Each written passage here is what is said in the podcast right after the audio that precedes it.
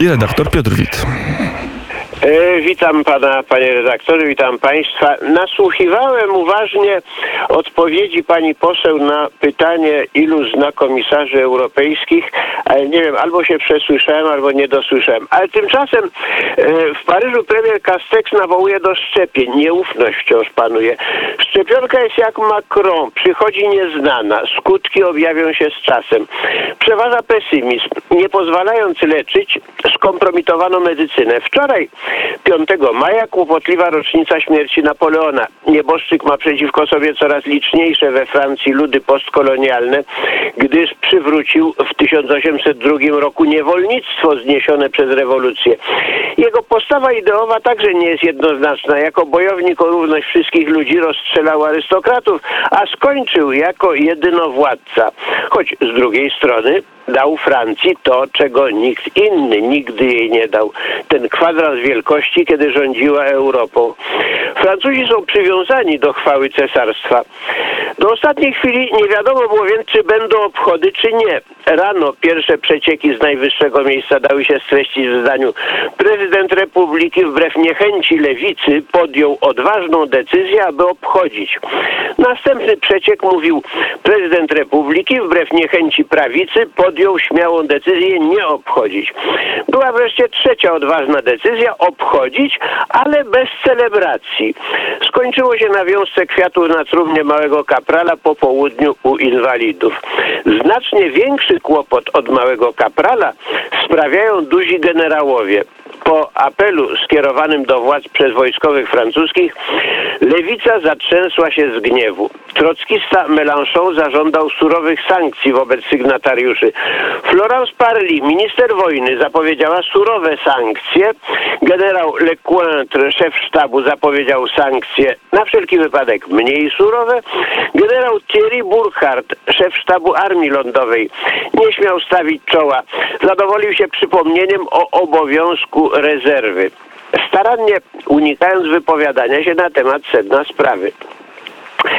Komentatorzy lewicowi znacznie subtelniej starają się ośmieszyć generałów nawzajem sobie zaprzeczając. Jedni nazywają emerytowanych oficerów generałami w rannych kapciach, inni słyszą znów stukot podkutych butów. Ranne kapcie nie są podkute ani nie stukoczą. Muzyka krytyczna brzmi więc fałszywie sam szef naczelny swoim zwyczajem milczał przez kilka dni. O covid także nie mówił. Nie chciał być prezydentem nieszczęścia. 30 kwietnia był za to we wszystkich gazetach. Obwieścił dobrą nowinę. Od 3 maja można poruszać się po kraju bez przepustki. Macron zwykle czeka na sondaże opinii, aby wiedzieć, co powiedzieć. W zależności od wyników ankiety wyrazi szczere poparcie lub również szczery sprzeciw. Tym razem wściekłość przemogła i po paru dniach milczenia potępił publicznie wojskowych. Jeżeli istnieje prawdziwy generał w tym kraju, to on pospieszył się. Należało odczekać kilka godzin. Sondaż agencji Harrisa, opublikowany na zajutrz, wykazał, że większość Francuzów popiera generałów. 64 do 75% ankietowanych zgadza się z ich analizą, że chodzi o ratowanie duszy francuskiej, cywilizacji i domaga się prędkich i radykalnych zmian. Marina Le Pen, nie czekając, wezwała, aby sygnatariusze listu i obywatele myślący podobnie jak oni przyłączyli się do jej partii Rassemblée Nationale. Macron zawrzał gniewem. To nie żadne Rassemblée Nationale, to jest wciąż Front National rasistowski i prawie faszystowski. Odtąd mówi się o Marinie Le Pen coraz częściej. Wobec prawicy Macron podjął starą, wypróbowaną taktykę Mitterranda. Codzienna polemika z Marine Le Pen przynosi mu dwojakie korzyści polityczne. Po pierwsze, eliminuje z przestrzeni medialnej innych kandydatów stwarza wrażenie, jak gdyby we Francji liczyło się tylko ich dwoje. Emmanuel Macron i Marina Le Pen rozbija prawicę.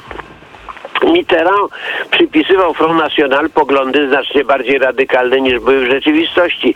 Nienawiść rasową, negowanie zbrodni wojennych, hipernacjonalizm połączony z ksenofobią, pogardę i wrogość w stosunku do innych narodowości. Jego taktykę przejął później Chirac, diabolizując swego przeciwnika, liczył na wepchnięcie do Front National wyborców o najbardziej skrajnych zapatrywaniach. Od tego przybytku Front National wzrósł naturalnie w siłę, ale nie na tyle, aby mógł zagrażać socjalistom. Efekt znacznie bardziej istotny to było pozbawienie znacznej ilości głosów najgroźniejszego przeciwnika, to znaczy prawicy umiarkowanej. Zagranie było pokerowe i w pewnym momencie mogło skończyć się dla Chiraca klęską. Czyż oskarżanie Front National o wszelkie zło nie okazało się skuteczne ponad spodziewanie? Czyż nie przysporzyło Le Penowi tylu zwolenników, że w pierwszej turze wyborów prezydenckich 2002 roku przewodniczący Front National uzyskał bezprecedensowy sukces?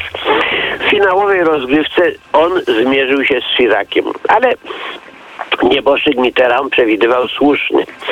Jak nikt inny znał mentalność Francuzów. Wiedział, że nigdy na prezydenta nie zechcą polityka radykalnego o jasno sprecyzowanym programie. Czyż zanim objął najwyższy urząd, nie był przez wiele lat ministrem spraw wewnętrznych, który wiedział wszystko o wszystkich? Czyż później już jako prezydent republiki nie nakazał prowadzić nielegalnych podsłuchów we wszystkich środowiskach opiniotwórczych? Nie mylił się. Ostatecznie w 2002 roku Francuzi stchórzyli w drugiej turze i wybrali zdaniem mniejsze zło Chiraca.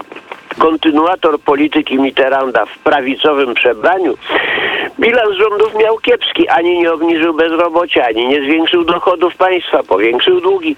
Za to bardzo ładnie obiecywał szczęśliwą przyszłość. Że to była nieprawda? Nikt nie wątpił.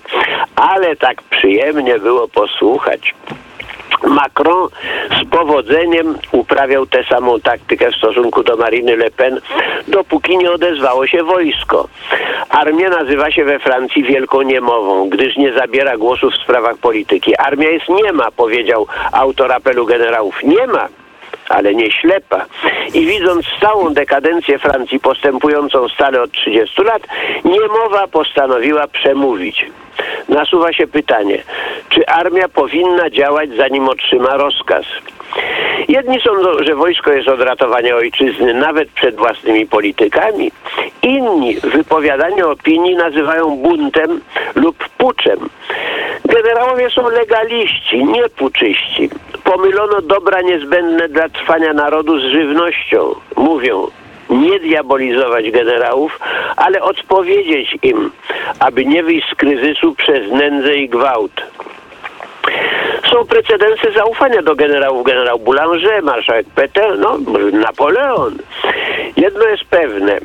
Po liście wojskowych szanse Pierre'a de Villiers wzrosły. Będziemy z tym, kto poprowadzi politykę, jaką proponujemy, napisali wojskowi. Gdyby generał Pierre de Villiers wysunął obecnie na rok przed wyborami swoją kandydaturę do urzędu prezydenckiego, otrzymałby masowe poparcie nie tylko generałów, ale pewnie i przeważającej części społeczeństwa.